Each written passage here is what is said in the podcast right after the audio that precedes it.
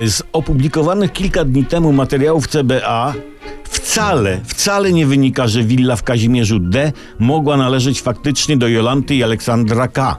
Przypomniano nagranie domniemanej rozmowy jednej pani, która mieszkała w willi w Kazimierzu D, rzekomo kupionej przez państwo byłe prezydentostwo K przez podstawioną osobę i usiłującą ją sprzedać. Cytuję: Klient mówi, że 350 zł za te buty to za drogo, trzeba obniżyć cenę do 310.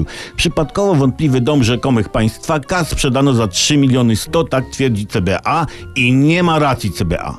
Cytuję z nagrania panią K, wsłuchajmy się.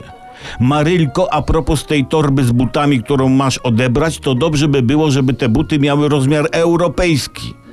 I wcale panika, jak twierdzi CBA, nie chodziło o euro, tylko właśnie o buty. To zostało jasno powiedziane w rozmowie, słyszeliśmy. Po prostu państwo K weszli w przemysł obu- obuwniczy. No wiadomo, buty nie śmierdzą, prawda? But robi but. Ciężko pracowali, nie szastali butami na prawo i lewo. Buty nie rozeszły się na bezsensowne wędrówki.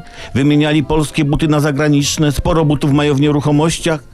Nie można traktować państwa K z buta tylko dlatego, że dorobili się w stylu amerykańskim. Od pucy buta do buta. Jedyny ich problem polega na tym, że podobno przez nieuwagę mają y, dużo lewych butów. A, a a ostatnio w internetach pisali, że zwolennicy kandydata na prezydenta Krzysztofa Bosaka zbierali podpisy na Bosaka.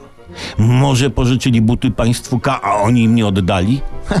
Zagadkowa zagadka, powiem wam.